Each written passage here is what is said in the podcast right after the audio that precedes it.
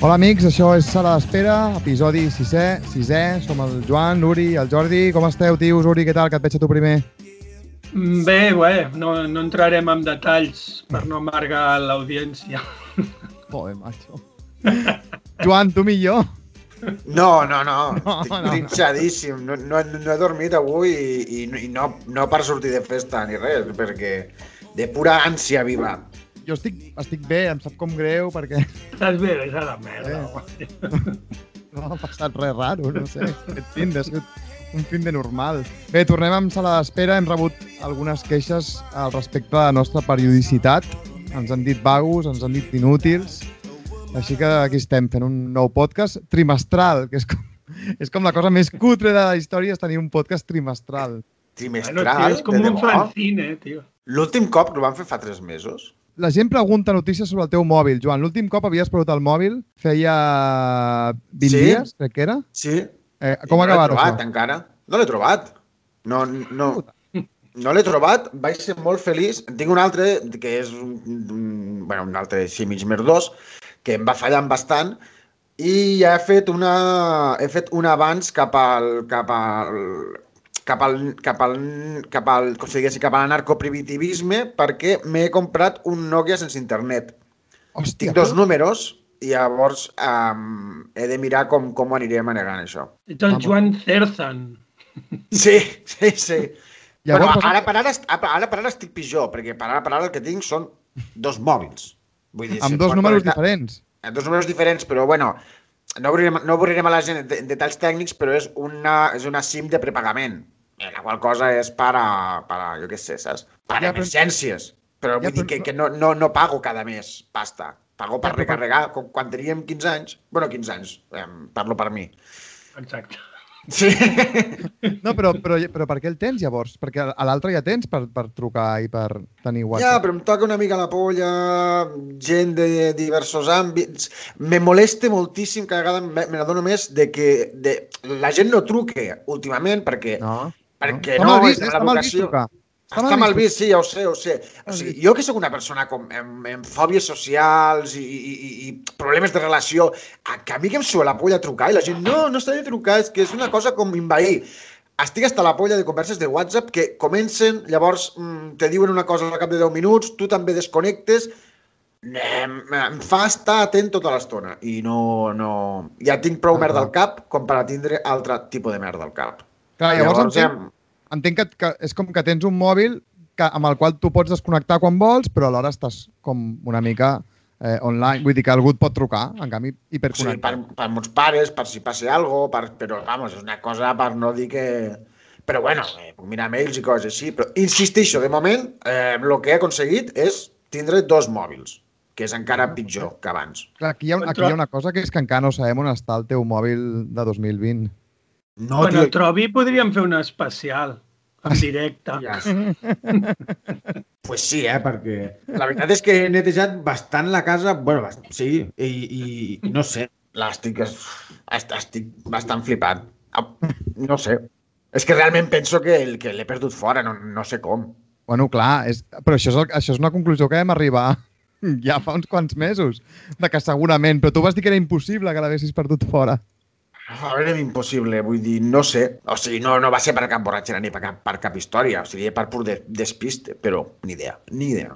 Bueno, seguim, seguim amb, el, amb, el, amb el pot, que avui tenim una Sí. bona notícia pels que vau escoltar l'últim pot i no us va agradar, que és que no parlem de grups de viejos.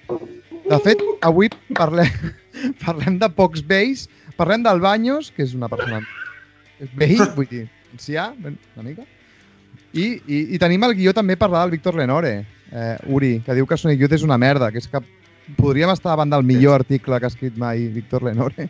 Millor aplicat a- al Lenore dels últims anys crec que no es pot dir mai ja, no? Perquè és un tio que ha perdut totalment els papers. El que Però- sí que vam coincidir Però... és que Sonic Youth, uf, bueno, ni tu ni jo, no, Jordi, vam dir que no ens agradaven massa. No. No. No, I tu, Joan?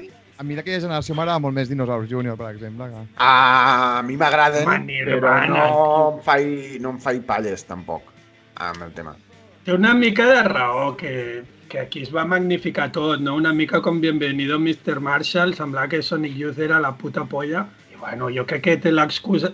És que en aquest article diu coses que potser li donaria la raó si no fos ell tan imbècil, tan Clar. rojipardo i tan aquells aires de superioritat i com escriu ell ara, que és repugnant, Sí, sí, però sí. estava d'acord amb moltes de les coses de base, però clar, ell és d'hòstia. eh? S'ha de dir que quan, quan expliquen en el- en el- l'article aquest, per posar en context, Uri, aquest és un article que fa Lenore, no sé quin mitjà, no, A Voz. Populi. Voz Populi, Vox No, Populi. no, el Voz Populi, que encara és més fatxa que el Confidencial. i el fa arran de què? De, de la reedició del documental aquell de les gires de grups de punk dels 90, bueno, de Va grups ser de... reedit una excusa que s'havia trobat ell, no? Igual es compleixen anys d'aquell documental. aquell doc- Bueno, en qualsevol Que cas, no he vist. jo l'he intentat veure alguna vegada i és avorridíssim.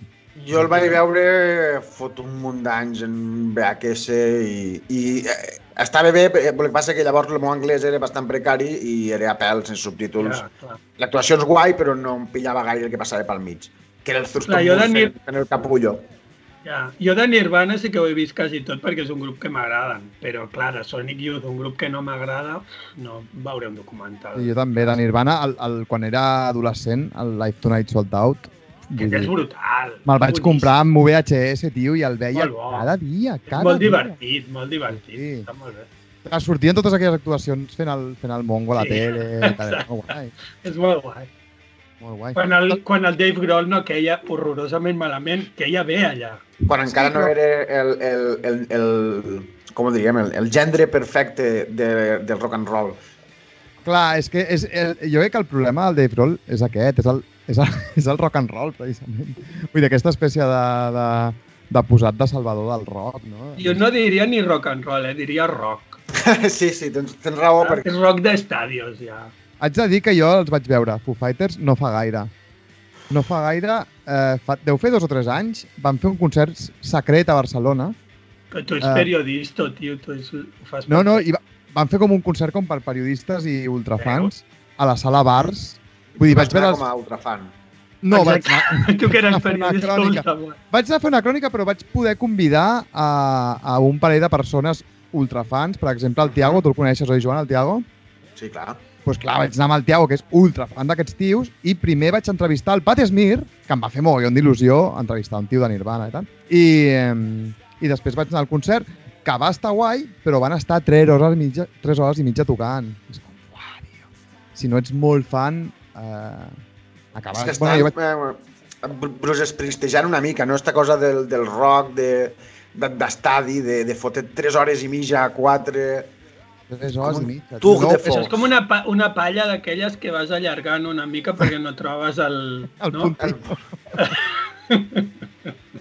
No, però jo què sé, de quin grup voldria haver 3 hores i mitja? De cap. O sigui, no voldria haver 3 hores i mitja de Teenage Fan Club, no voldria haver 3 hores i mitja de ningú. L'altre dia parlàvem amb l'Artur de concerts així mítics de l'Helio i vam recordar el de Rock Wave i va durar dues hores i mitja, eh? I va ser un concert molt, molt, molt guapo. I no tenies ganes que s'acabés? No, perquè va ser molt, molt divertit. Al final ja, saps, era, com, com era l'Helio en l'època daurada, te'n Sí. recordes? Sí, que, bueno, la gent privant allà, molt bon, molta comunió, diguéssim, i ells es notava que s'ho estan passant bomba, al final van se'ls va acabar com el repertori, començaven a fer versions de Nirvana i de no sé què, Vale, i va guai. ser molt, molt xulo. Dos hores i mitja. Clar, aquest, aquest de Foo Fighters van ser 3 hores i pico, però clar, la moguda és quan no ets fan del grup. Ja. Ja, però, però, però, però si no ets fan del grup no hi vas, també. Bueno, quan no ets... Bueno, jo ja hi vaig haver d'anar per... Per, per, Per feina, ja. Però... Ja, les El coses que passa és que la, la diferència és que normalment jo he anat a, a, a, per temes laborals a concerts de grups que són molt llargs i que, vull, jo he vist un bolo del Paco Ibáñez de dues hores i pico, també. Sí. Però, però estava al, al, al Palau de la Música, sentadet, allà, pues, jo què sé, que al final pues, miro el Twitter, quan ja, quan, ja, quan ja estic molt avorrit, però el concert aquest del, el concert aquest de Foo Fighters era a la Bars, que, que estaves, eh, havies d'estar de peu. I era, la, era, I era abans de mascaretes i tot això, no? Home, clar, tio, fa... Jo és que ara, sense mascaretes, aniria a veure a Queen, inclús, crec. No ens, pa- no ens passem. A Qualsevol amb, el, amb, el, amb el cantant este que em porten ara, que és un xaval Aquí que va sí. sortir de... És un xaval que va sortir d'Operació Triunfo, no? Que es diu Adam, Adam Lambert o alguna així. Ah, sí?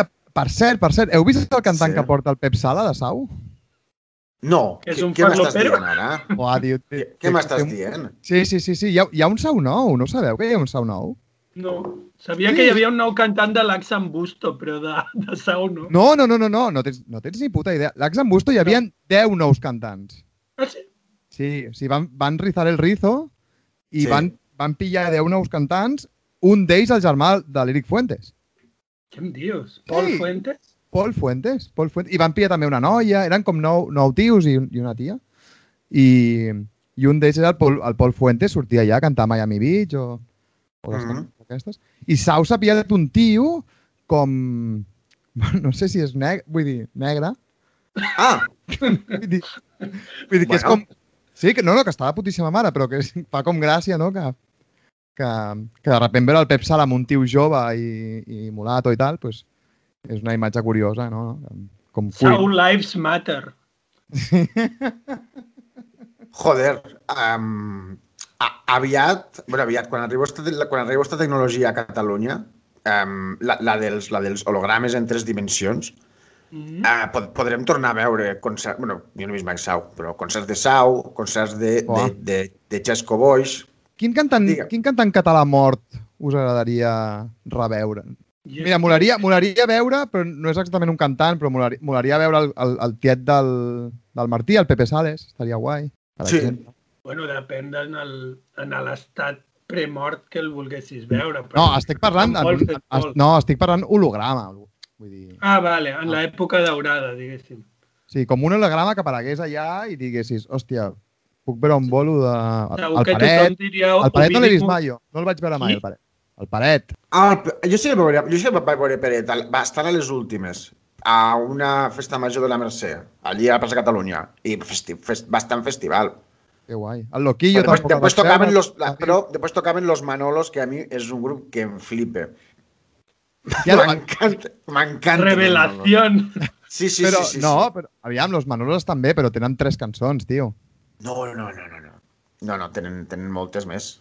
Parlant Sí, de sí, veure sí. algú en les últimes, tu i jo, Jordi Garrigós, vam veure a les últimes, a, com es deia? Ah, Pensant anaves a dir a l'Ivan Dando, jo, però el vaig veure del teu germà. No, no. Hòstia, Deia, el dia aquell que vam anar a la Caldés a una presentació i vam Hola. veure el, que cabron recordar jo. Era el, aquell que era cura, tio, com es deia?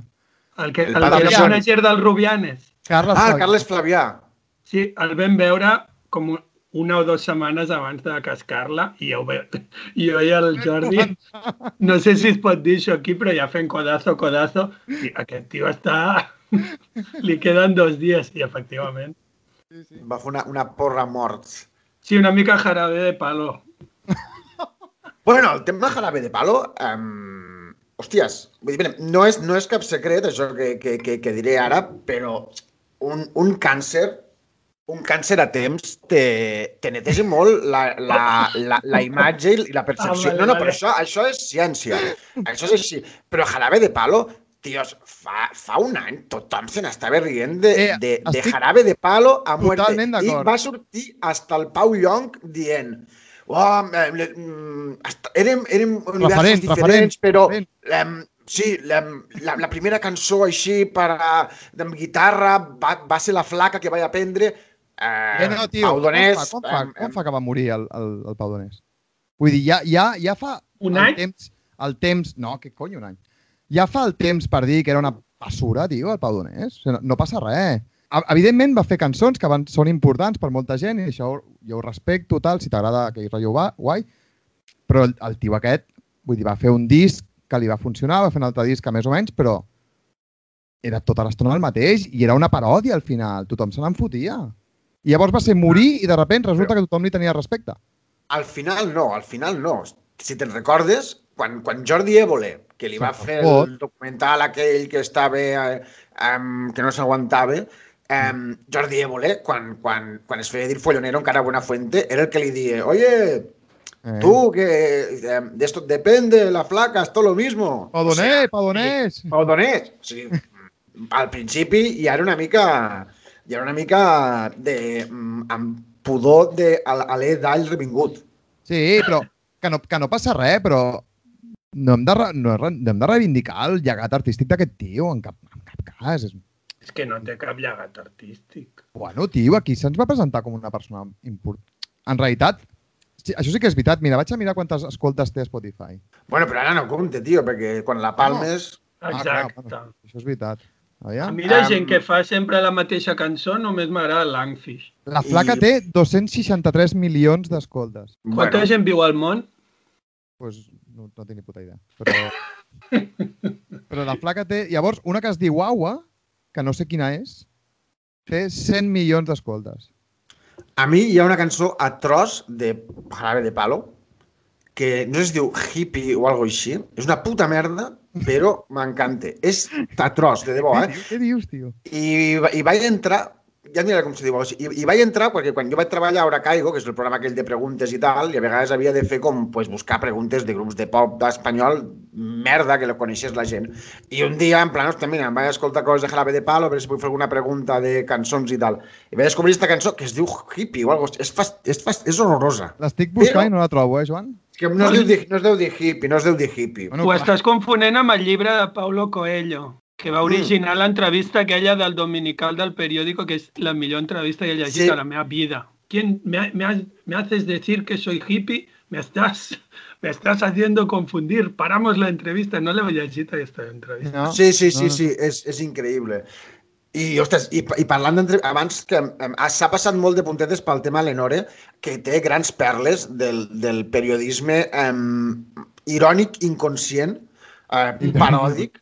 Eh, Humorístic i inconscient, sí. i- i- té una que, que explica el tio que va a, a, a una festa que feia el Jungbif de, de, pues com de, bueno, de, com de salsa i música així com llatina, no sé què, tal, i diu, i, ah, te puedes creer, estaba, estaba todo de lleno de, de 40 añeros, em, con, con gafas calvos, em, con un gin tonic, mm, apoyados en la pared eh, y Sin sin bailar. bailar. I, i, Era un mirall, no? Que, sí, no? exactament. Què estaves fent tu, Víctor León? Era un espejo, imbécil. Se lo comenté a mi amiga. Diga, mira todos esos eh, cuarentañeros. Mare de Déu, com se pot tindre tan poca, tan poca vergonya? Jo, jo estic convençut que el Lenore, o sigui, no, no vull fer lo típic eh, sala d'espera senyala i després algú actua, però està a puntito a puntito de, de que algú li foti una pallissa, saps? Ja, que surti als diaris, Lenore, l'emmeten... Mira, tio, et perquè- dic una cosa, et dic una cosa. Si ningú a Catalunya li ha fotut una pallissa a aquell tio del cabell brut, com es diu, el Soto Ibars. Ah, jo me'l vaig trobar a l'Helio un dia. jo me'l vaig trobar perquè vivia, ma- Res, jo, al pis on vivia amb, el, al pis on vivia amb el Lluís, bueno, joder, també vaig viure amb el Joan, eh, el piu a l'escala del costat, i, i me'l me'l trobava a l'Open Core i tal, me'l me'l vaig trobar 200 vegades. No, jo me'l vaig trobar una vegada i, i molt majo per mi perquè... A tu el coneixes? Bé, no, no, col·lega. vaig conèixer una vegada al bar del Muniente perquè, bueno, ell és amic del, de- d'ell i, i res, estàvem per allí i, bueno, el, el, el, el Soto Ibars és molt fan d'un autor de Flix que té un llibre que es diu Jo només il·lumino la catalana terra. I llavors em va dir, ah, tu ets de Flix també. I vam iniciar. Pues, el meu au- autor català favorit és tal. I vam iniciar Valero Sant Martí. conversació. Hòstia, és, és guai tenir un col·lega que et serveixi per reconèixer gent, Joan, tio. Sí? Pocs que som a Flix. Bueno, tios, eh, encara no hem començat... Eh, Ja, ja, ja, ja, ja. No hem començat el guió, tio. Eh, portem 20 minuts xerrant. Eh, Ja, tio, però és que Vale. només ens veiem per fer això, és normal, també. ja, això és veritat. Això és veritat. Quan fa que no, quan, quan fa que no ens veiem físicament? Bueno, tu, Uri, vas venir a casa un dia fa poc a buscar un llibre. Sí. Però el Joan, jo el Joan no l'he vist en 2021. Ja, ja, ja. Um, Ni jo ell de seu telèfon. Per a fer uns quintos i tal, eh? La nostra amistat està tan perduda com el seu telèfon. Sí. Bueno, la cosa és que en aquest pot eh, hi ha dos tios, el- l'Uri i jo, eh, el Jordi, que, que no ens passen coses excitants. De fet, avui l'Uri ens ha fet un missatge a- al grup de sala d'espera que deia no tingueu fills. Vull que segurament el més excitant que li has dit cap de setmana és cuidar els seus fills malalts. I jo, per part meva, segueixo fent el meu dejú intermitent En sèrio? i tinc mollon de gana als matins. I estic a punt de deixar-ho ja. És Bueno, que la cosa és que... esmorzar, tio. Jo és qualsevol altra cosa, però l'esmorzar, tio, que és el millor del món, tio. És... Sí. No, no me repetiran l'altre dia, però després d'esmorzar es costa avall. Esmorzar saladet o què? Sí, no? Sí, sí, bueno, jo puc esmorzar, de, de, o sigui, de tot, vull dir, que m'adapto. Vale, vale. Haig Tinc de dir que, el, que tu. Joan, quan, bueno, quan vivíem junts, el, a, a, a tu, Joan, la bolleria industrial, això t'agrada molt, no? Crec recordar. Sí, m'agrada molt, la menjo poc, perquè té un efecte sobre l'organisme que és que et fots tot tocino. Però sí, soc molt defensor, a mi m'agrada molt la, la pantera rosa i coses així, i crec que um, crec que és una cuina que s'ha de valorar um, i que són uns criteris diferents als que, amb els que pues, analitzem altres, al, al- altres plats de menjar. La bolleria industrial és un altre rotllo. Has provat les Príncipe? Eh, són, són les del Peláez, no? No, però... però eh, eh, bueno, a- a- això, Jordi, tu dius que ho, ho hem d'explicar per la penya, no? És que si no la gent se perd, no? Sí. Que el Roger Peláez, el dibuixant de, de còmics i, bueno, i cantant de Budellam i de, bueno, de mil Clatellot. coses, Màximum Clatellot, eh, fa unes eh, galetes Bueno, fa una cosa que es diu Príncipe, que bàsicament són agafar tres galetes Príncipe, cadascuna de les quals són dos galetes amb, amb, amb xocolata, entre cometes, xocolata pel mig. Llavors, no, les ajunta les, les tres, que són sis en total, les unix en nocilla i fa una Oh. Príncipe. Però això com, com ho sabeu que ho fa? Vull dir, ho expliquen el... Sí, va, hi, hi ha un xiste seu que ho explica. No estic segur Sí. si són tres príncipes unides per xocolata o si són com tres galetes Maria amb xocolata i fa com una, trin- una príncipe de tres. No estic convençut. Ah, val, val, val, val, val. L'altre seria potser inclús massa, inclús per ell. Ja, però una bueno, jo, pregunta. jo, vegada estava amb el Peláez i es va menjar una barra de torró de Xixona sencera. quasi, quasi no ho explica, eh? Una pregunta, vosaltres, eh, tu, Joan, com a expert, com a expert en el tema, Mm. a- aquest tipus de galetes farcides, eh, que són dos galetes juntes pel farcit, com si diguéssim, com Sí. una Oreo, vale? Mm. tots ens entenem, o una Príncipe, Sí. com, com la menges? Quin és el, quin és el procés? No sóc especialment fan d'aquestes històries, jo, eh? O sigui, de les galetes estes, això, Oreos, príncipes i tal, és per dir, si te... jo normalment acostumo a menjar-me-les, eh, les, si, si m'arriba una príncipe me la menjo pues, sencera, mostegant. I la Oreo, pues, a vegades, que no em menjo No, mai, eh. sí que la puc obrir per fer la gràcia, la tonteria, però les príncipe no pots, et trenquen, és una merda. Insistixo, no és, no és el, no, no és No és el meu teu camp. target, Això, eh? No, no, no, no. no, no.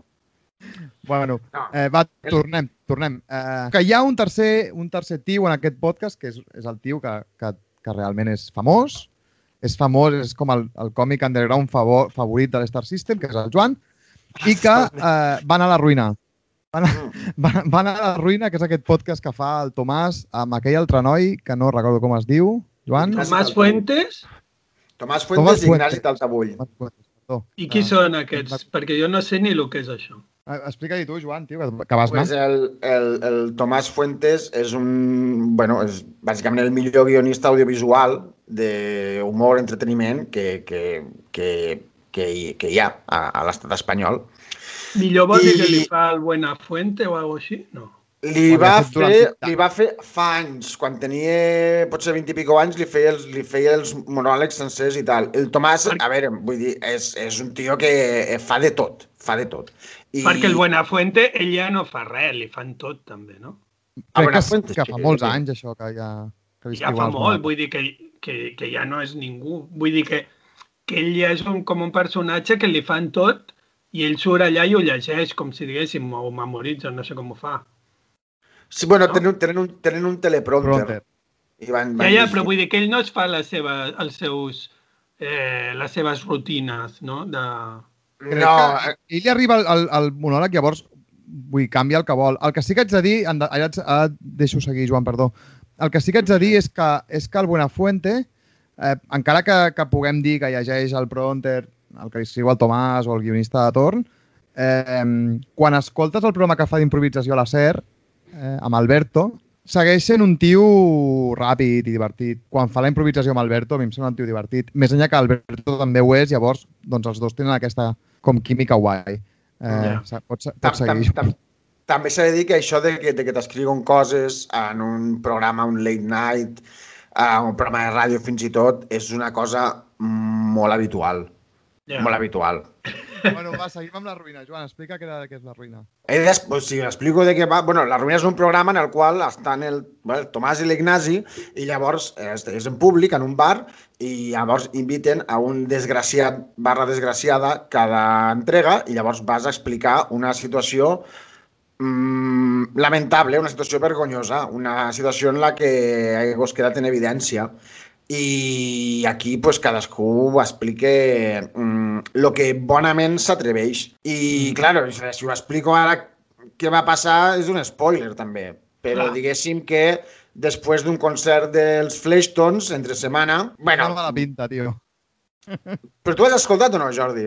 A la ruïna, explica-ho aquí, ràpid. pues vaig conèixer una, una, una, una, una, una tia i li vaig dir, ah, mm, me va dir, tens dos euros? I no vaig notar res raro i em va dir, eren les 6 del matí o així, entre setmana, i vaig dir, um, coneixes algun lloc per a, per a estar, per fer, per fer una copa, per fer una, un, un after, bàsicament, un after. La tia em va dir, sí, conozco, un- era mexicana, conozco un sitio que está súper chido, per aquí, muy del chill, tranqui. I llavors, bàsicament, me va portar a un lloc que quan vaig arribar, pues, la porta eh, se va obrir en, en, en, en tres o quatre forrellats i un cop a dintre vaig veure que estava un puto narcopiso. I el narcopiso, Ja, en uns... ja, ja la coneixia, aquesta. Sí, eh, en uns italians venen xutes de- d'heroïna a dos euros, cridant com si fos una pizzeria, va fanculo la heroïna, mm, dame esto, lo que esto que era, i, és, i vaig estar... A més a més de tot això, hi, hi havia una bandera espanyola enorme i a sota hi havia una, un, un lloro, un lloro vull dir com una, una, una ràdio d'aquelles com, com antigues i tal, on estava sonant la Mònica Terribas. I tot de penya, tirada, xutes i tal, i bueno, i llavors me vaig haver de buscar una manera per sortir d'allí, que vaig estar bastanta estona. Clar, has de, A més a has més, de jo- preguntar a algú en plan... Eh, perdona, eh, em pots, pots obrir per, per marxar? Vull dir, com va això? Oh, per clar, sortir clar, parc? clar, tio. A més a més, jo anava, havia anat al concert dels Fleshtones i anava una mica com un gilipolles, amb un abric Fred Perry, um, amb, en sabates, i estava allí, de plan, buah, és que em fotran el palo en zero coma. I res, la història senzilla al final va ser que no, no sap, vull dir, hi havia els italians, la noia xutant-se, um, tot la gent, la gent pensant-se que jo anava follant la tia aquella, que, que ni de broma, Um, bueno, i al final la cosa va ser que um, per distreure la noia jo li vaig voler donar dos euros perquè es fotés un xute i vaig veure que no portava dos euros, només portava 20 euros en bitllet. I llavors li vaig dir, li vaig donar els 20 euros i vaig dir, toma, toma-te-ho a mi salut. I llavors, quan ella va anar a allà, me'n vaig anar i la mala consciència de dir, joder, si es va fotre els 20 euros en Jaco, probablement um, ara ens estigui escoltant des de um, més allà. Més enllà. Una cosa, el Jaco val dos euros un xut, eh? No, bueno, a veure, mm, es veu... A veure, a saber la qualitat. tallat, no? Sí, i, i eren, microdosis o alguna així.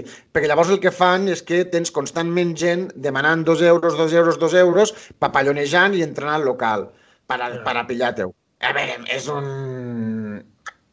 És un mal negoci, però bueno, jo què sé, són gent molt desesperada. Jo Quantes, hi havia que- molta penya al local o què? A veure, de, de cos present sí, però estaven tots, vull dir, hi, havia bosses senceres de, de, de xutes.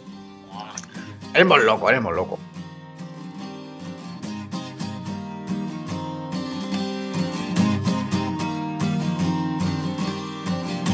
Recuerdo que era solo un chaval y la nueva Inglaterra me abrió un mundo nuevo.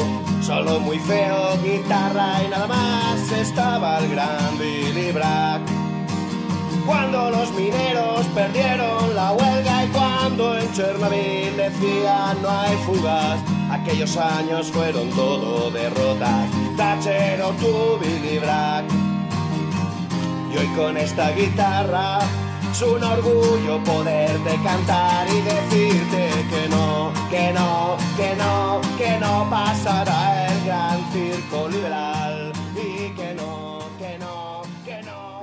Eh, en realitat, eh, tot això ho estàvem explicant per parlar de la ruïna del Banyos, Sí, però és, és molt diferent aquesta ruïna, la ruïna del Banyos. ja, Potser, que el dia, potser el Banyos també hi era algun lloc d'aquest narcopiso. No ho descartaria, perquè hi havia gent allí Menjant merda. menjant merda. Aquí, aquí, anem, anem. Va, anem a parlar del Banyos. Eh, tema Banyos, tenim apuntat al guió, que és que ja han passat uns dies, però, però a nosaltres ens ha quedat com molt, com molt a dins i volem que quedi eh, guardat pels segles dels segles el que va passar l'altre dia, que és que l'Antonio Baños, que és, eh, que és aquest tio periodista, sus, periodista, no? Periodista, eh, excantant de Carradines, no? Agitador, intrépid. Agitador, ex, ex candidat a la CUP al Parlament, cosa? exparlamentari. Digues. Abans, quan va entrar la CUP al Parlament, me'n recordo que, que va córrer com un manifest Sí, que per fi meva. entrava el rock and roll al Parlament i tal.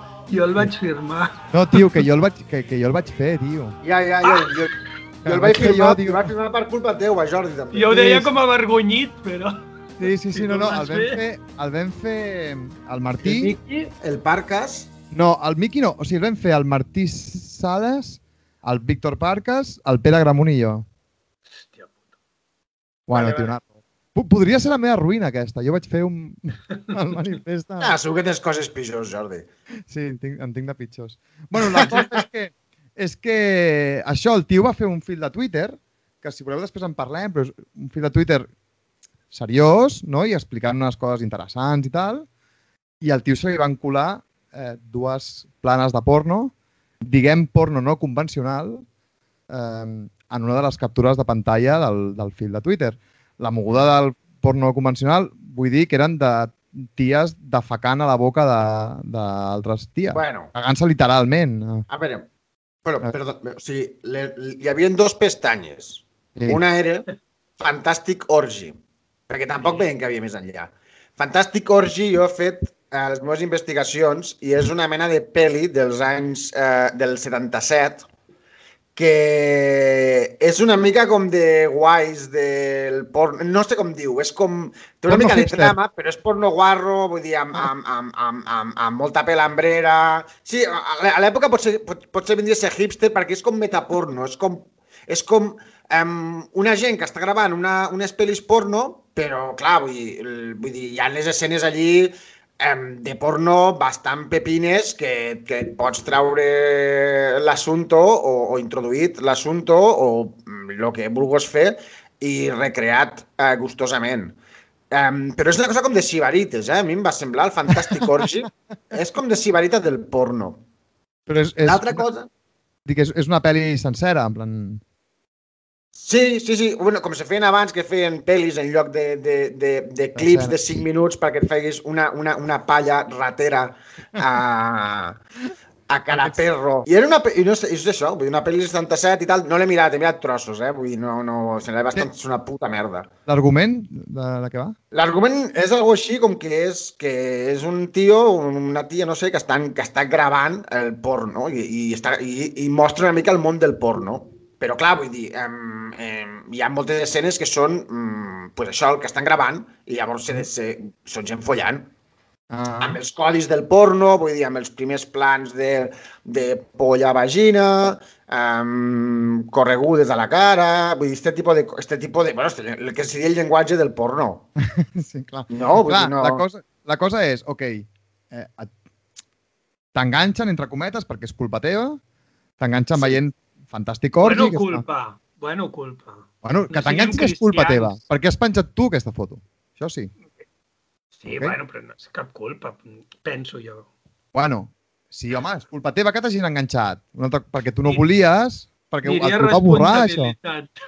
Sí, responsabilitat és del Baños, no? Això estem Sí. d'acord. Absolutament.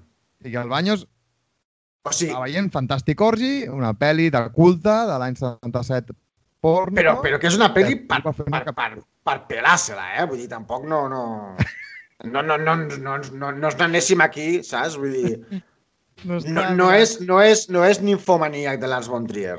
És una pel·li... És una pel·li per fer... Per fer-li per fer plorar llet al cíclop, que diuen. Bueno, en fi, el problema és... Problema tampoc, és que al final no és cap problema. No, La cosa cap- és que la, que la pestanya al costat, vull dir, que igual si el tio hagués vist aquesta pel·li repetint de culte del 77, no sé què, a una pestanya, doncs haguessin fet LOL, bé, no? Sense, Mm.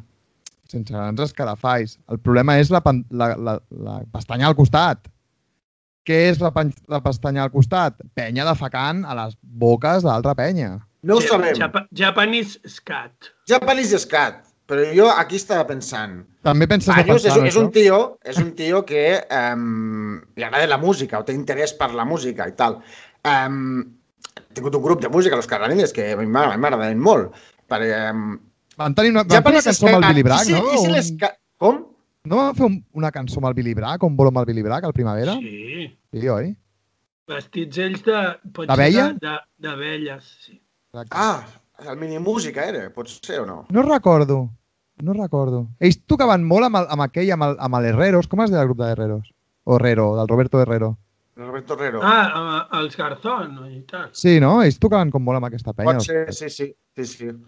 Bueno, Japanese. Scat. Vinga, va. Scat a lo millor fa referència al, al, a la tècnica vocal eh, Scatman. pròpia del, de, pròpia del jazz de... Scatman. I pot ser uns, japan, uns japonesos que, que estiguessin fent scat, perquè els japonesos eh, són uns mestres en reproduir fidelment qualsevol estil de música. Bueno, i de fet hi havia molts, gru molts grups de ska japonesos que, Sí. que, que feien ska com el jamaicà dels 60 quasi exactament Exacte. igual. Igual Sí, sí, el, va, el Google es va equivocar i ell volia posar Japanese ska. Sí, que Japanese scat. Sí, sí. I, però clar, bueno, probablement sigui um, que estava veient gent pues, menjant-se unes bones merdes. Um, de totes maneres, um, jo voldria trencar una, una llança a favor de, de, de, de, de l'escat, no perquè em produeixi a mi cap tipus de, de plaer sexual, tant de bo, diria, perquè és, sempre és, és, és obrir um, um, el teu, uh, o sigui, el, les teves possibilitats sensitives. De, de cop dius, hòsties, pues, mm, No que se'm caguen a la cara m'està fent sentir unes coses que no havia sentit mai abans. Pues, tio, és tan fàcil com que se't cago a la cara, eh? Vull dir, vull dir t'arregle la, no sé, t'arregle la vida. Si, si t'agradés. M'explico. Um, jo he vist vídeos, perquè jo tinc un historial pitjor que el del Baños, vaig tenir una època buscant aberracions a internet i eh, jo he vist penya que, que jo que sé, que el que li molava era, per exemple, um, apunyalar la polla. Apunyalar la polla, si és el que més te mole al món, en plan, hòsties, Endavant, tio. què, No? què, és, què, és, què és el que més t'agrada? Vull dir, jo què sé, abans de morir, en lloc de, de, de l'últim sopar, de l'última mm, mm, acte sexual. No, doncs vull que m'apunyalen la polla. Apunyalar la polla és una cosa que pots fer un- una o dos o tres vegades a la teva vida. En canvi, que se't cago al damunt, Pot ser cada dia. pot ser cada dia. Sí, sí. Es veu que, es veu que, bé, que depèn de, de si estàs baix de defenses i tal, clar, vull dir, la, la merda són excrecions, mm, el que el cos no digereix i també el, més una mica tòxic. Llavors, fotre Déu per la boca i tal no es pot ser la millor idea. Clar, jo, jo eh, Però- no, no he practicat mai cap cosa d'aquestes, però, Sí. però sí que és veritat que conec a gent que mentre mantenia relacions sexuals eh, o ells o la seva parella, no, no, ara no recordo quin, cap cas concret, eh, però sí que, que sé que el, el, a amics meus els hi ha passat o ho han fet, el que sigui, o amigues, um, que, que han defecat, que s'han cagat a sobre d'algú o que algú, aquest algú els hi ha demanat que se'ls hi cagués a sobre. Això sí que ho sé. Aviam, Jordi, això és el... Estàs parlant del típic... És, és per a un amigo? No, no, no, no, no, no, no, jo no, no, en cap cas, en cap cas. Però bueno, vull dir, Bueno, pot passar, que Pot passar, se pot t'afluixin passar. els esfínders de plaer o el que pot sigui. passar. Ah, clar, clar, però, però, però això són dues coses diferents. Una cosa és que estiguis um, um, forrisquejant i de cop se t'escapa, pues, com un pet, se t'escapa un... Home, pets milions de cops. Sí, sí, sí. L'altra cosa és que activament digui, digues, hòsties, pues ara un bon sorollo aquí al pit. Que de fet es veu que No, dit de l'escat eh, té, té un nom concret, el de que se't caguen justament al pit. Es Però diu no dir- sé què estima. que- Saps qui era un gran, un gran copòfag, un cro, copròfag? Um, Chuck Berry. Ah, sí? En sèrio? Chuck Berry té uns vídeos, té uns vídeos um, amb dos noies um, a vegades cagant-se ell a les, a, la, a les boques d'elles i a vegades cagant-se elles a la boca d'ell. I s'ho està passant tremendament, eh? Està en la seva, en la seva salsa, com aquell qui diu. I també, ho- eh, això, això són vídeos que estan a internet, eh? vull dir, es poden veure tranquil·lament. Um, Chuck, Chuck tranquil·lament. Està- Bueno, depèn, depèn. Um, a lo millor si un dia vas restret uh, i estàs al lavabo i dius, hòsties, mira, em vaig a posar uns vídeos del, del Chuck Berry cagant a la boca d'algú i a lo millor ajude a que el trànsit eh, que intestinal... és flueixi que surti millor. per dalt. I, i, I ho diuen també de Constantino Romero, però això no hi ha, no hi ha cap prova. Bueno, Té, eh, té un col·lega periodista que a mi m'havia dit que, bueno, és, és molt llegenda urbana, eh, i això, però que eh, Constantino Romero eh, tenia per costum anar de, eh, de prostitutes i que se li caguessin a sobre i dient que era un cavaller impecable. L'únic que tenia era que li agradava que, pues, que es li Hòstia. fes una mica de caca a sobre i ja està. li, li, agradava, li agradava molt que se li caguessin a sobre i quina veu tenia el tio, eh? Ja. Uah, era flipante, tio. I fent de Darth Vader, el lado oscuro. És veritat, és veritat. Mm. Però aquí, a la cosa de, del Banyos, eh, a part d'això, que ja, ja hem comentat que, que li molen vídeos de penya menjant-se merda, és que, clar, aquí hi ha el després, no? Vull dir, el, hòstia, quan veus, quan obres el, quan ell comença a rebre notificacions, Ah, és, ok, eh, he posat això, ho ha vist tot el puto país, com reacciono? Vull dir que em, em sembla que, que, clar, aquest és el moment realment crític de, del bany, és a dir, hòstia, ara què faig? Ell va fer broma, ell va penjar el dia següent... Sí. Ell va penjar el, el dia següent, diria, diria que era un tuit, ho recordo perquè no ho he apuntat al guió, crec que era que ell va preguntar què us va semblar, no? El, Sí, que us va semblar el fil sobre el tema aquell... sobre l'Amanda Gorman, es diu? Se'm va sortir Sí. bastant bé, la veritat. Sí, Sí, perquè, a més perquè, va fer com una enquesta que una de, les, que una de les respostes era una merda. Una merda, sí, sí. És que insisteixen en això, vull dir, cap i a la fi, vull dir, lo de veure, veure una orgia i lo de... Bueno, lo de cagar és més mm, específic, és una mica més tèrbol, però no és que estiguis veient un vídeo de pederàstia, per, per dir alguna cosa així, saps?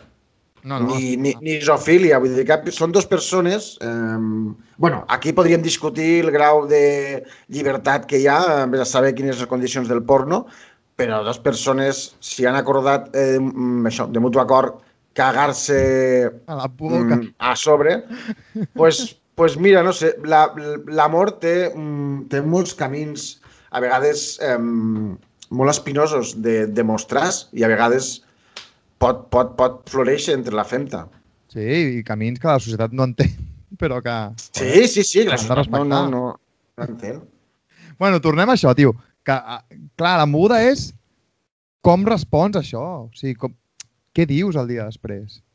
Que el Banyos, bueno, aquí va estar bé, Sí, no? Sí, sí, és, sí, sí és, és, és, és el mínim que pots fer, també. Bueno, mínim no, segurament hi hauria gent que, que s'hagués inventat alguna camama o alguna història. Bueno, o borrat el Twitter. Hi ha penya que s'hagués borrat el Twitter. Ah, ja. Borro el Twitter i torno d'aquí un any, que ningú se'n recordarà. Clar, aquest, aquest tio, a partir d'ara, tots els tuits que faci mínimament polèmics, que en, que en fa bastants, vull dir, el, el Banyos es dedica a contestar penya al Sí. Twitter que, que no combrega ell políticament, per dir-ho d'alguna manera, no? Sí, sí. Clar, a partir d'ara tothom li posarà, mm, pues, jo què sé, menja't una merda. No sé, vull dir, Però No? jo després he pensat que en aquell moment vaig pensar, hòstia, vaya, vaya badada i tal. Però després he pensat que avui en dia tampoc és tan... No? Bueno, què? Sí, Ah, no, no, jo, jo, jo estic en tu, eh, jo estic en tu. per curiositat o el que sigui. No, saps? No, el va, no, ja, no van trobar un vídeo d'ell amb un cagarro entrant-li la... Saps el que et vull dir? Sí, no, per és- estar curiosejant, no? Sí. A, a mi el que em resulta curiós és que eh, tingués com pestanyes obertes de, de, de japoneses cagant-se la boca i llavors un article de, de, de l'Amanda Gorman i llavors un altre article sobre canvi climàtic. Vull dir, era bastant com en plan... Mm, mm, ara estic llegint això, però, bueno, vinga, cinc Una minuts per, a- per, per, per, per, per fer una pajilla aquí. Però això és com quan estudiaves, que estudiaves en pijama i te l'anaves tocant i tal, Sí. i se't posava mortillona i t'havies de fer un, una palla. Sí, jo crec que és el mateix, estava investigant i Jo, jo Uri, m'imagino exactament així al Banyos. jo també. Vull dir, és, és un tio... eh, Multitasking. Un multitasking. Clar, a vegades són els perills de la multitasking. Bueno, eh, en qualsevol cas, eh, això que ell se'n va sortir bé i la, la pregunta que, que, us, que ens fèiem, que parlàvem aquesta tarda eh, pel nostre grup de WhatsApp era eh, si vosaltres heu tingut alguna ruïna similar a les xarxes socials en relació a... Jo no. No? Jo, jo, en tinc, jo en tinc... A xarxes socials en tinc una, que a més puc explicar alegrement, que és que no té res a veure amb, amb gent cagant a les boques d'altres, eh? ni amb sexe. Ja Té a veure, amb- té a veure amb Espanya. Amb, més, més concretament amb, amb insults a Espanya. Que és que um, jo era el, Mundial de Futbol, era 2010 o 2008, no sé, un, un campionat d'Es- d'Espanya que va guanyar, 2008, crec, una Eurocopa. I, I jo treballava a la ràdio, a Com Ràdio, ràdio que ja no existeix, i, eh, i era als inicis de Twitter, era principis, principis de Twitter, 2008, més o menys, no, Joan? 2008 devia ser... Sí, sí, sí, sí, diria que sí. Vull dir que no hi havia tampoc moltíssima gent, tal. Llavors, a la redacció de Com Ràdio, que jo estava a programes, perquè jo treballava en un programa que es deia Extra Ràdio, al costat hi havia els d'esports. Llavors, per fer-se una foto promocional, eh, es van posar eh, samarretes, de, els redactors es posaven cada un una samarreta d'una selecció, de les que participaven en aquella Eurocopa. Val? Llavors, quan va, quan va sortir la d'agafar la selecció espanyola, jo vaig pensar que ningú la voldria agafar. Vale? Llavors, al contrari, va haver-hi hòsties per agafar d'Espanya, d'acord? Llavors jo, no se m'ocorre, no vaig tenir cap millor idea que anar al Twitter i posar a la meva feina es barallen per posar-se la samarreta d'Espanya, els vomitaria a sobre. que és, o sigui, a quin puto cap entra a escriure això? Vull dir, d'uns companys de curro que a més estan a, a, la, a, la, a la taula del costat. Però jo, bueno, tenia un Twitter recient est- estrenat, com aquí diu, no em seguia ningú, jo què sé. Bueno, doncs total, que al cap d'una hora tenia una resposta d'un dels tios de la secció d'esports dient-me, som els teus companys, estem darrere teu, la propera vegada ens ho vens a dir a nosaltres a la cara en compte de penjar a internet. Ah, joder, però jo, jo, però jo entenc que és com una mica una broma, que... Els... No, no, no, no, no, no, no, no, no. I em va enviar un missatge privat també dient que, que no eren maneres, tal, no sé què. Llavors, què va passar? Jo en aquell moment estava a l'estudi, vull dir, estàvem gravant el programa. I jo... Eh... Bueno, és que acabava d'entrar a la ràdio, era com... Era bastant jovenet, acabava d'entrar a la ràdio, vull dir que era un pringat. I vaig haver de baixar de l'estudi, anar a la taula on estaven tots els d'esports, una taula de 7-8 persones, demanar atenció, com si diguéssim, i demanar perdó eh, per, per jo. I, I cantar l'himne d'Espanya. Uah, tio, és, és la vergonya que vaig passar, tio. O sigui, anar allà i dir, eh, tios, eh, em sap molt de greu, eh, és que pensava que no... Clar, més, pensava que no ho veuria. Ja, ja, ja, ja, ja. Però vaja, crec que aquesta és la meva, la meva cosa pitjor que he fet amb les xarxes. A l'Uri, clar, com és un tio nou amb, amb Twitter, no n'ha pogut fer de cap de cagada. Clar, Ja l'ha la agafat gran. Tinc l'historial molt net. Jo he fet moltes coses, però cap de la que me n'avergonyeixa. Bueno, ara, ara no me n'avergonyeixo, me'n vaig avergonyir llavors quan vaig haver d'anar a demanar perdó. Déu. No, home, ja, clar, clar, clar, clar. A més, o sigui, una penya que veia cada dia. Clar, llavors jo arribava allà als matins, tio, i els havia de... Mm. Vull dir, passava per davant seu. És que, a part la frase va ser els vomitaria a la cara, que és com super desagradable, saps? Però ara Joder. els vomitaries a la cara o no? Eh? Els vomitaries a la cara ara o no? A part del tuit? eh és igual, no, no, no penso respondre. Potser els hi mola, eh? Potser No, perquè és la típica que ara penso, és, va, aquest és, podcast no és, és cap l'escolta de ningú. boca. El- Japanese puke. Japanese speak. Bueno, tios, ara tenim, tenim dues opcions perquè portem 50 minuts i només hem fet un tema dels 5 o 6 que teníem al, en el guió, que anàvem a parlar del llibre. En teoria, avui ens havíem reunit per parlar del llibre del Juanma i estem a putos en llum d'arribar a parlar del llibre del Juanma. Llavors tenim dues possibilitats. Una, passar al següent tema, o dues, fer recomanacions. Com ho veieu? Jo no tinc cap recomanació.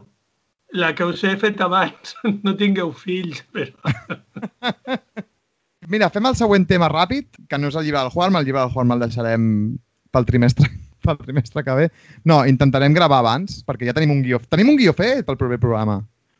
Ja. És que no fa falta fer en guió. Ja, és veritat. És veritat. Però igualment el tenim fet. Per tant, passem al següent tema, ja ens el ventilem ràpid. Què us sembla si fem sonar Manel al nostre, al nostre podcast? No sé, si al Banyos li agrada menjar merda, doncs jo puc escoltar Manel al meu programa, també. Jo, jo no tinc... Um, jo no tinc cap problema amb, amb poder escoltar Manel.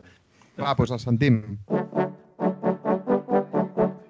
Benvolgut, permet-me suposar que malgrat no haguem gaudit de presentació oficial, més o menys així com jo, estàs assabentat de la meva existència, de les coses que faig. Benvolgut, jo ho reconec, que hi faré covard de mi. No és que siguis cada tarda el meu tema preferit, vostres són les promeses que ningú ja complirà, vostres les nits que els telèfons no paraven de sonar, però sí que et vaig veient en discos que al final no et vas endur, i alguns quina meravella i alguns que mai tindràs prou lluny. Ben volgut i en un somriure que fa sola caminant i en aquella foto antiga oblidada en un calaix. Heu parat una furgoneta aprofitant la vista privilegiada d'una ciutat. Tu assenyales l'absis romànic d'una sou joves i forts i sentiu l'eternitat al vostre davant. I benvolgut, ni sospiteu que gent com jo estem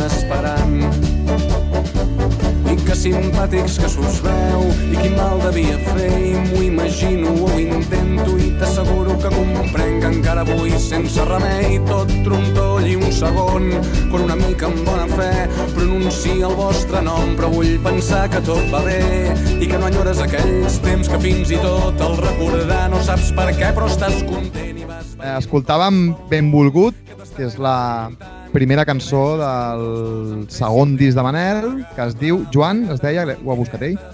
Sí. 10 milles per veure una bona armadura, que és un vers de Shakespeare. La cosa és que ara fa 10 anys que va sortir aquest disc. Clar, és un disc important en el, en el sentit de que, de que surt després de un primer LP que canvia una mica eh, el paradigma de la música en català. Només, només per això ja és un disc important, super esperat en el seu moment. Vosaltres com, com veu viure els Manel quan van sortir? Tu, Uri, eh, eh, Cenita Hardcore no et devien agradar gens. No et pensis, eh? Mm, sí, a mi els Manel els vaig escoltar per primer cop, que el Roger Peláez em va enviar un vídeo, diu, tu t'agrada el Pau Riba, no? Diu, mira, mira't aquest vídeo. I era que el famós aquell, el prim, la primera cançó que es va fer coneguda al primer disco, que Era, era, anaven com per... era, per, per, per, era pel, pel carrer, ara, en, bueno, per allà a prop d'Entensa, on hi ha el consulat del Marroc, que feien, crec que era en la que el Bernat se't troba, diria, o Pla Quincanal. Sí, exacte, sí, que anaven ells tocant pel carrer i tal, sí. que estava bé aquella cançó, en veritat, quan la vaig sentir dic, ai, que xulo i tal. I el primer LP, o sigui, quan va sortir l'LP jo ja els havia vist un parell de cops en directe, però bueno, per, per amics comuns que, ah, això està bé, i van tocar al, als jardins de la UB, aquell que el lloc és molt xulo i tal, i amb, uh -huh. i amb nens a vegades pues, acabes a llocs així.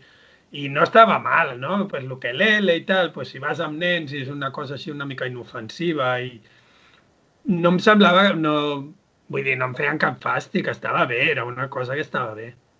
El que va patar molt, Clar, és que la cosa és de Manel és que va ser una explosió bueno, que jo no he vist ni s'ha tornat a repetir no, en aquest país. Jo crec que sí, va, va ser una cosa molt transversal que anava des dels cumbes als indis, als pares i Mm. mares i va ser una cosa que, bueno, va, això, va, bastant transversal. bueno, perquè estava bé, en veritat, vull dir. Sí, sí, no, no, si no qualitat amb tots els aspectes, no? De... Sí, sí, sí jo els hi veig, els, sempre els he vist coses molt guais, principalment i com a, com a grup pop les, tenen cançons que que són d'una qualitat alta o molt alta. Després, com a lletristes, el, el Guillem Gisbert, que és el lletrista principal, crec que és un molt bon narrador d'històries. Vull dir, crec que, que explica les coses molt ben explicades. Té, té, té cançons com Benvolgut, que és bastant, vull dir, literàriament sí que és, un, és bastant, bueno, no un prodigi, però sí que és una lletra que està molt ben parida. I després hi ha coses tipus, jo què sé, el tema del segon disco, crec que és la, el Soldadet, que Hòstia, és- escoltat. i vaig dir, Per mi és la, can "Hòstia". la cançó que em fa quasi més vergonya aliena. De... Sí, sí, sí, perquè és com, bueno, d'un ramplonisme. Però és com una recreació de, de, de Band of Brothers, o Salvant el Soldado Ryan, no un rotllo d'aquests de Segona Guerra Mundial, pot ser? Ah, no, Band of Brothers dius la, la, la, la, La sèrie. Sí. De, pensava que estaves dient un grup que es diria alguna similar. Així. Band of Horses. Band of Horses, Band of Horses. Deuen estar tots morts ara. Uh... Hòsties, Band of Horses. Pues, Uh, Tio, Band of Horses tenia aquella cançó que es deia Funeral. No te'n recordes? Bueno, Sí, Band era, of pues, Horses era una mica de post-Shins, no? Sí, és que, rotllo, eh, bueno, sí. jo crec que van sortir en aquella onda, no? Sí, però Sí, una però- mica més èpics, una mica més d'estadis. era, era una mica més no, de Shins i també el rotllo que estava apuntant Arcade Fire.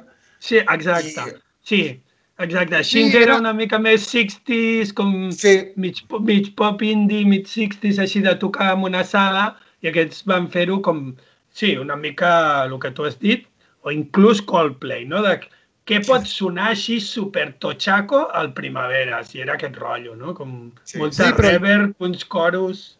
Però va, va ser, aquell moment va ser el moment d'aquells grups, perquè jo recordo Sí. aquell grup... De fet, tu em vas vendre un disc, Uri, el de Gran Archives, Ah, hòstia, Sí. sí. m'agraden molt. gran. eren de Sub Pop, també eren d'aquest... Sí, m'agradaven, eh? Joder, Sí, molt. Estava Espècie el de- dinero. De pop èpic amb americana una mica, no? És que Grand és, Archives els Grand Archives hi ha, hi ha algú de, de, Band of, de Band of Horses, eh? Sí, Ah, sí? Ah, hi ha algun... Sí. Hi ha algun... Ah, has- Mm. Heu dit Gran Archive? Jo sempre havia dit Gran Archives. Okay. No, és Archives, sí. Sí, sí, sí. És, és d'aquelles paraules en anglès com eh, coro, que s'escriu choir i es pronuncia sí. wire. Bueno, doncs ac- crec que va ser el gran moment. A- Aquests grups tots de tios, absolutament tots de tios, no? Sí. Eh, camisa, camisa de quadres, no? Com Cabells llargs, barbetes, Fleet Foxes, no? Fleet Foxes... Bueno, Fleet Foxes tiraven més pel folk, però també el folk així amb, amb tintes èpics. Per cert, sabeu que els Fleet Foxes eh, estan vius i fan exactament el mateix? Sí, fa poc vam, vaig posar un disco dels Fleet Foxes nou, sortit a 2020 o 2021, i és exactament igual a, a bueno, aquell disc que van fer fa 10 anys, que van tocar el Però no primer. tenien cançons. El so era totalment copiat, com dels grups de folk 60s, tipus, jo què sé, Fairport Convention o jo què sé. Però amb reverb, a, Però- a, a saco, no? I tal. Sí, sí, però to- totalment ben imitat, però sense temazos, clar, llavors no, Mm. no sé. Era més Una mica am- retromania, no? Ambient. Ambient Sí. de- d'un so de... Exacte. A vegades passa, amb els, o sigui, amb els grups estos com nos, bueno, nostàlgics, o sigui, que estan recreant una època anterior i tal, que el so és de putíssima mare, però no hi ha cançons. Repeteixo que els Band of Horses... Mira, acabarem el programa d'avui amb, amb Funeral, el, el hit de Band of Horses, que era molt guai. Ara era absolutament... Era piquíssima, vull dir, el dia que, que, que tinguem la guerra contra Espanya, quan sortim de casa amb els fusells la podem posar, jo crec. Jo no sé si vull morir-me eh, contra Espanya. Creus que podrem escollir? Vull dir, que- ens podem quedar amagats a casa? No, igual, jo igual pujo cap a Pedralbes a matar catalans. Ah, matar. el que us deia dels Manel és que eh, hi ha diverses coses que em molen d'ells, a part de que hi hagin cançons que m'agraden molt, que és certes formes, eh, certes formes d'ells de ser que des de, des de fora eh, semblaven pues, que els tios anessin una mica de llestos i, i possiblement hi anessin, però sí que és veritat que aquesta cuirassa que es van posar va fer que també ells no anessin mai de res que no eren. Vull dir, ells eren un grup de gent de classe mitja de Barcelona, per dir-ho d'alguna manera, i Mitja alta, no? Mitja alta. això ja no ho sé, no, no, no els conec. Vull dir, he, he parlat crec que pràcticament amb tots ells, però no els conec, no, no els conec de res. No, no sé de quina classe social són, però en, en, en qualsevol cas ells no han fet cançons que anessin d'algú que no eren. Això és una, una cosa que em sembla guai. Vull dir, han cantat de les coses que sabien al final. Um, després, crec que no han sigut un, una gent que fes moltes concessions als fans. Vull dir, no ha sigut una gent que s'hagi quedat fent el mateix. Ells, ells podien haver-se quedat amb l'ukelele tota la vida i, i fer aquestes cançons de fer cançons de folk amb estructures simples i tal amb, amb, amb bones tornades i no ho van fer, sinó que han intentat fer coses diferents i una mica com més modernes, tal. Però algunes una mica cringy, no? De fer vergonya aliena, no? L'última cançó i vídeo que surten ells com mig ballant, que és com electrònica, així una mica imitant a Kanye West i tal. Però, Fan- ja, tio, però la cosa és que t'agradarà més o menys, però ells no... No, no, que, bueno, que està bé. Però que ells intenten fer, segurament, intenten fer coses diferents. Jo crec, jo tinc la sensació que no se n'acaben, o sigui, no se'n surten del tot. No et diré que ni que és una merda ni que és boníssim, sinó que uh, jo crec que no se'n surten del tot, però que, bueno, doncs els tios intenten fer coses diferents això està guai. Home, al, ter al tercer disc tenien Teresa Rampell, que és un gitarro de la és, vida. que és un hitaco, Teresa Rampell.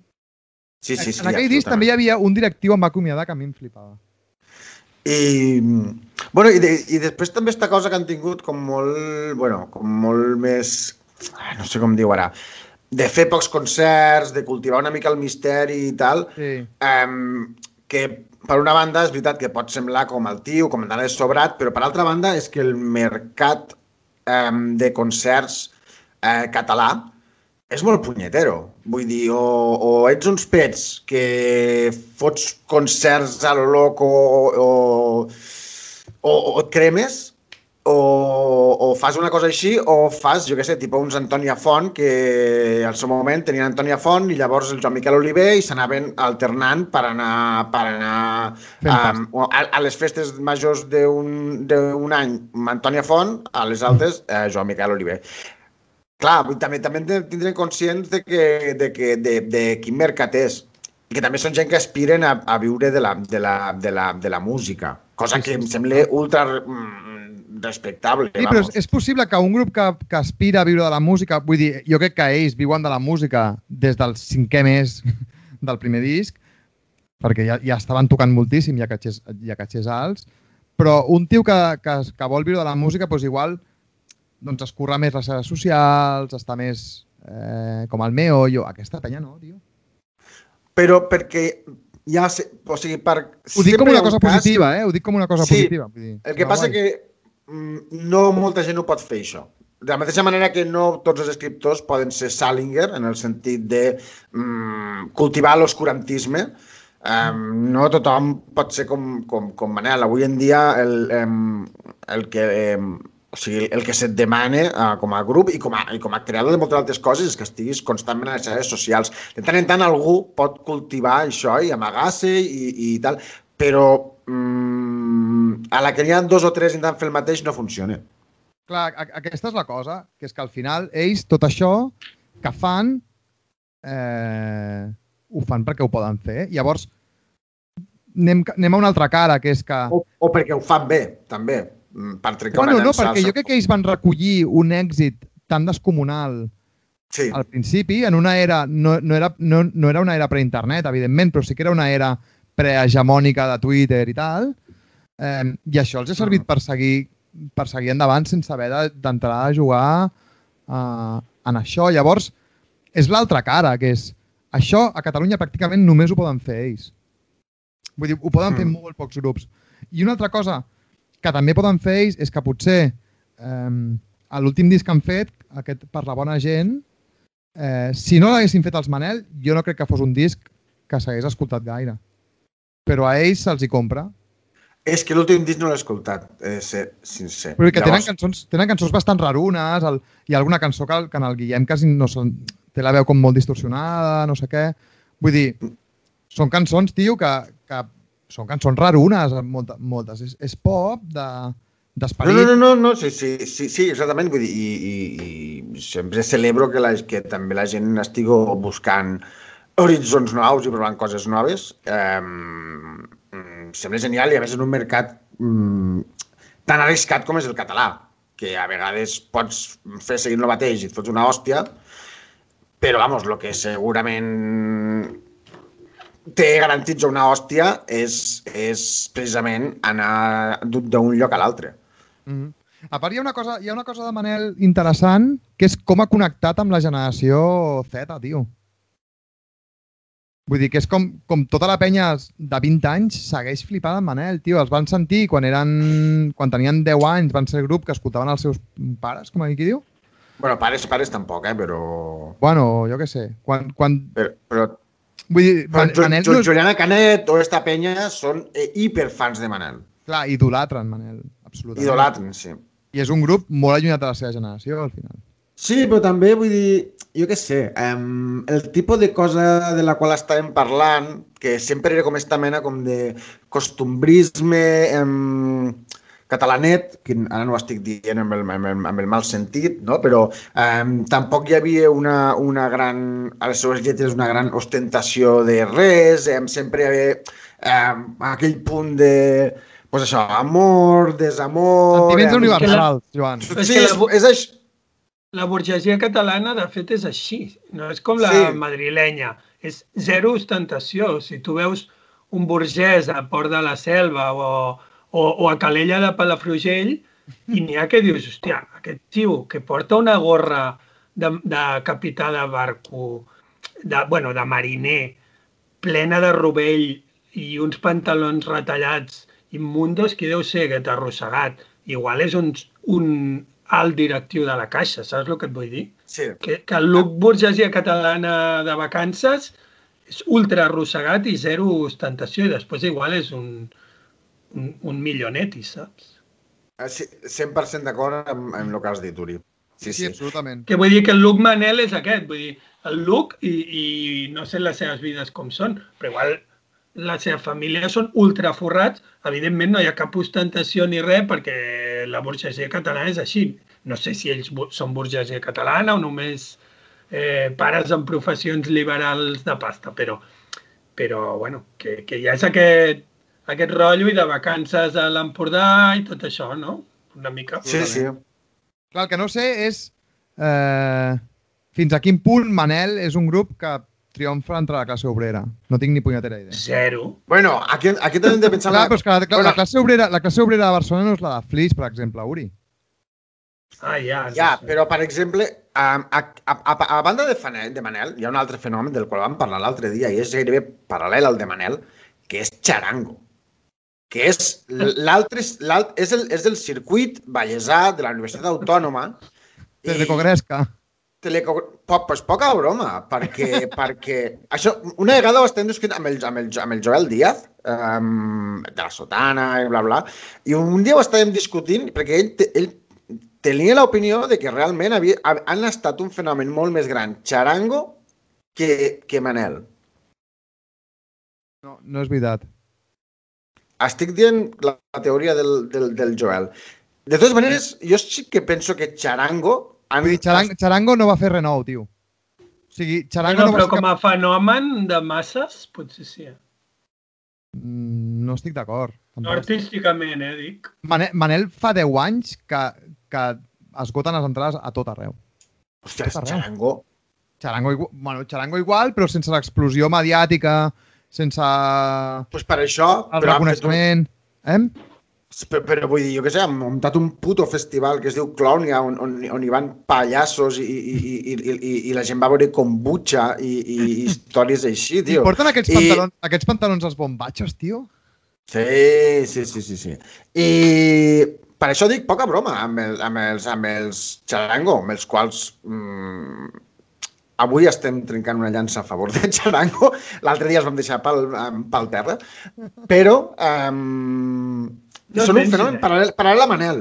Vull dir, rotllo um, Cerdanyola, on jo vaig viure, Mondo Caníbal, tot Clar, però rotllo. de Cerdanyola són la pegatina, per exemple. Exactament, la pegatina. O sigui, la pegatina sí que té un origen molt més working class que, que el xarango, que és, és el que dèiem l'altre dia, són de Sant Joan de les Abadeses, no? I Ripoll. I Però la, la pegatina Ja, ja, canten però- en català o en castellà? Eh, en Lo- castellà, menys dos o tres temes que tenen en català. Mm. Passa que un dels, famo un dels temes més famosos, que es diu El gat rumbero, eh, és en català. I, i, un, Sí. I una cançó que parla com de que es fa una nòvia em, com quilla o alguna així, Els de qui catarres. és? Els Ah, vale, em Eh, tio, ja vam, de... ja vam parlar d'això. Vale, vale, em pensava que era de, de, dels... Jennifer. Jennifer. Sí, sí, sí. Això és, això és catales. Va, anem acabant amb Manel, eh, amb una altra cosa que, que veig que aquí el Joan també té, té alguna a dir, que és el tema publicitat. Que és que quan ells surten al 2008 els hi comencen a oferir mogollon de coses de publi. Per exemple, va ser l'època de les converses de Banc Sabadell que, Sí. que, que va haver-hi haver molgollon de polèmica perquè va, va aparèixer en una d'elles el David Calavent de Mishima. Home, és que li feia falta la pasta. Sí, perquè va dir que, que feia falta la pasta perquè havia de pagar el, el col·le privat dels nanos. Um, va ser literal aquesta decla, més, crec recordar, del, del col·le de, dels nanos. Jo un dia me'l vaig trobar en un bar a Mora, a Mora, a Mora d'Ebre, amb el David Hòstia, conec aquesta història. De... el Lord Nelson, i em va estar parlant d'això, però evidentment recordo molt poc d'aquella nit, perquè... Mm, bueno, correremos un tupido velo. Uh, Bueno, Però, això, però, però el tio estava això- com molt fotut, en plan de, joder, tio, estan fotent canya pel de l'anunci del Banc Sabadell, i no recordo gaire cosa més. Però, però jo penso que, que, que ell, ell, ell què va dir? Que, que com que necessitava els diners o alguna així. ell va dir, la frase literal era per, necessitava diners per pagar l'escola dels meus fills. I per això vaig fer l'anunci de Banc de Sabadell. Ja puta. tio. Vull dir, no jutjo, eh? Jo Com només una dic, frase dic immunda, eh? L'altre dia llegia sobre el cantant de Sex... Bueno, el guitarra Sex Museum, el Fernando Pardo, Mm. Mm? que estava vivint a no sé quin poble de merda de per allà als voltants de Madrid perquè ja no podia pagar... O sigui, que la pandèmia havia acabat com amb Sex Museum, diguéssim, Ah, sí? i que estava vivint en un poble i vivint de les classes de guitarra que feia per Zoom i tal, que estaven, però no, o sigui, no tenien res. O sigui, res. O sigui, per sort es veu que havien comprat aquella casa en un pueblucho i tenen un lloc on caure morts, però, però molt, molt, molt eh, tirats de pasta. O sigui, Hòstia, aquest tio és un mite, eh? un mite, però per això et dic que un tio s'excusi amb, un, amb fer un anunci pel Banc de Sabadell per pagar una escola segurament elitista que deuen anar els seus fills, encara que sigui eh, biopija, diguéssim. Mm. Encara que sigui Union. Exacte, ho trobo molt pervers, tio, perquè una cosa és fer un anunci de Sabadell per pagar el menjar als teus fills, però per pagar una escola eh, elitista, com dic, no sé. Bueno, Bueno, és igual, fa molts anys. sí, no, fa això? molts anys i jo què sé. Bueno, és igual, això no prescribe, però vull dir que no, no és, no és d'actualitat, diguéssim. Sí, però, però també en aquella època, crec recordar que va ser 2009 o 2010, que els Amics de les Arts, que eren com el, els, Oh, el yin i el yang, doncs el, el yin eren els amics, el Manel i el yang eren els Amics de les Arts, que eren com els Manel, però fent absoluta vergonya. amb Eh. Hòstia, eren, eren molt xungos.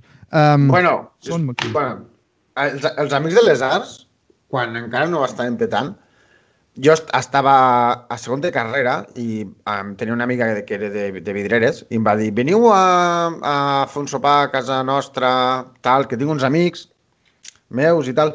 I va, jo vaig anar allí i tal, i hi havia, uns, hi havia un noi i havia les altres noies, els meus companys de classe, i el, i el noi em diu, ai, m'han dit a tu, Joan, que t'agrada molt la música i tal. I jo, bueno, sí, què sé, tenia 19 anys, eh?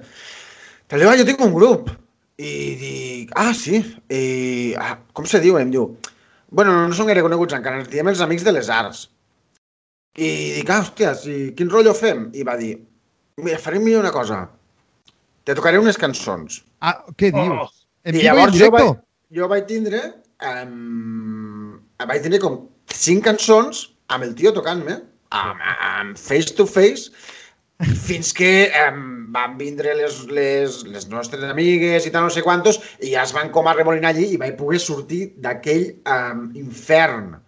Perquè és, o sigui, són cinc cançons dels Amics de les Arts, una d'elles crec que ja era Jean-Luc, amb un tio com mirant perquè li havien dit que jo sabia molt de música. Quin no d'ells, sé, quin d'ells no? era, Joan? Eh, pf, eh, crec que el que és com que té la cara com més rodona, ulleres... Ulleres vull dir ulleres de eh, físiques, vull dir, com foscot i Yeah. com capell rissat, no sé. No tinc ni idea, però Ah. posarem els Amics de les Arts de foto de, de l'episodi avui. O, els Amics la- de les Arts I, o el i banyo. em, van to i em van tocar, i em van tocar una, una cançó amb allí i tal, i bueno, ja està. No hi ha, no hi ha més, no hi ha La, més. la imatge sona a la típica escena d'Animal House desmadre a l'americana amb el John Belushi agafant-li la guitarra i destrossant. Reventant-li, hòsties. Bueno, Sí, eh, sí, doncs sí, això, sí. doncs també tor tor tornant a- als Amics de les Arts, que això, que els Amics de les Arts van fer aquell anunci de d'Estrella de, d'Estrella d'Am absolutament infecte del... I què, què volem? Com Que què tenim? Que què tenim? Que, què tenim? tenim un equip que, com era jo? Parlava del Barça, no? Que no ens el mereixem. Sí. Tenim eh, botifarres d'Olot. tenim El centrals nuclears. tenim Dalí, tenim Miró, tenim Paula Bonet i Juanjo Sáez. això no ho diuen, això no ho diuen. Això no ho deia. Eh, bu- bueno, doncs Tenim això, crujicoques.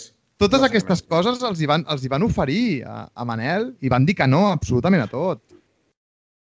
Jo crec que també, vull dir, un, els hi devia sobrar una mica de pasta, o dos, també per alimentar això que diu el, el Joan, no? d'alimentar el misteri, o tres, realment, estan en contra de- d'utilitzar ells o el seu art per, per anunciar merda. Bueno, això hauríem de parlar també de...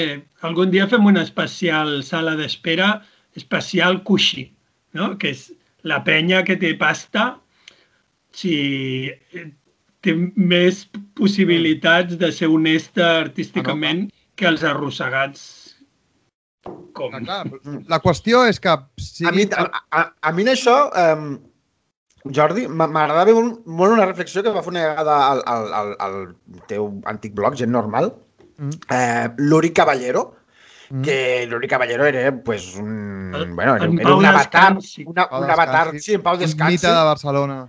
o mm, que no descansi en pau, que descansi em, a tope, que descansi a tope. pues, em, l'Uri, l'Uri em, que, que era un avatar del, del, del punk, eh, per dir-ho així, ell, se, me recordo que sempre comentava en plan de, de jo què sé, quan el Colomo va fer l'anunci d'Estrella d'Am i tal, el tio dit, però deixeu a la gent, és la seva puta música, deixeu-los que facin el que, el que els hi roto. Que ell amb els, amb els cirles era molt més de, de no fer res i tal, però Coi, també m'agrada este punt de dir, deixeu que la gent faci la seva música el que li surti del... Igual, igual, que, que del la gent, igual que, que la gent es, es faci palles mirant a japoneses cagant-se a la boca. Oh, que... Llibertat. Exactament, si és, la teua, mer- si és la teua merda, si és la teua japonesa, pues, Clar, fes el que vulguis. deixa, que, deixa que escolli el teu traductor, tio. Que los niños se acerquen a mí. Que los chavales ca- camelen como ellos camelan. pues bé, tios, teniu algú per recomanar o no? Va, Uri, no? Jo no, no tinc, eh? Us ho he confessat. No has- he no has tingut vist- una setmana molt dura. Ens pots, eh, jo què sé, recomanar un metge? Bueno, la ben... hagués recomanat la sèrie de la Veneno, però deien que ja en parlaríem, no? Sí, en parlarem. Jo estic al capítol 3 o 4, ja. Però bueno, pues pensava, la que era, que era, reco... pensava que era com Paquita Sales, que duraven 20 minuts i que va, duren una, una No, horota. no, duren una hora, cada capítol, tres quarts d'hora, una hora. Bueno, la recomano i així pel proper capítol, si la gent l'ha vist, doncs guai. Vale, És molt que bona, eh? és collonuda. Molt bona. És collonuda. Jo, jo he vist tres capítols. espanyola, odio el, tot lo... No, sí, no odio tot lo espanyol, però cine espanyol i sèries espanyoles, la veritat és que no en sóc molt fan. Està molt ben feta, és molt xula. Mhm. Eh, sí, em, eh, diria moltes coses perquè estic com enganxat ara, Però... però En parlar.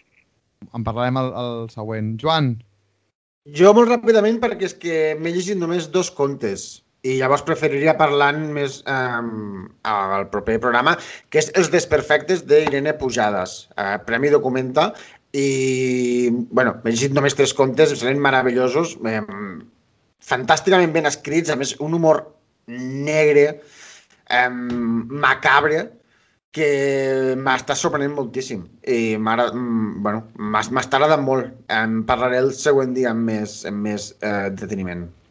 Molt bé. Doncs ja per acabar i abans de posar la cançó de Band of Horses, jo recomano eh, la reedició i traducció al castellà de Jo només eh, i- il·lumino la catalana Terra, que va ser la primera novel·la de... Novel·la va ser de... Sí, de Valerio San Martín. novel·la no. No era una novel·la, era un recull de, de textos, un assaig, al final era una teoria. Era un, era un text, text religiós. crònica, crònica, no? Història...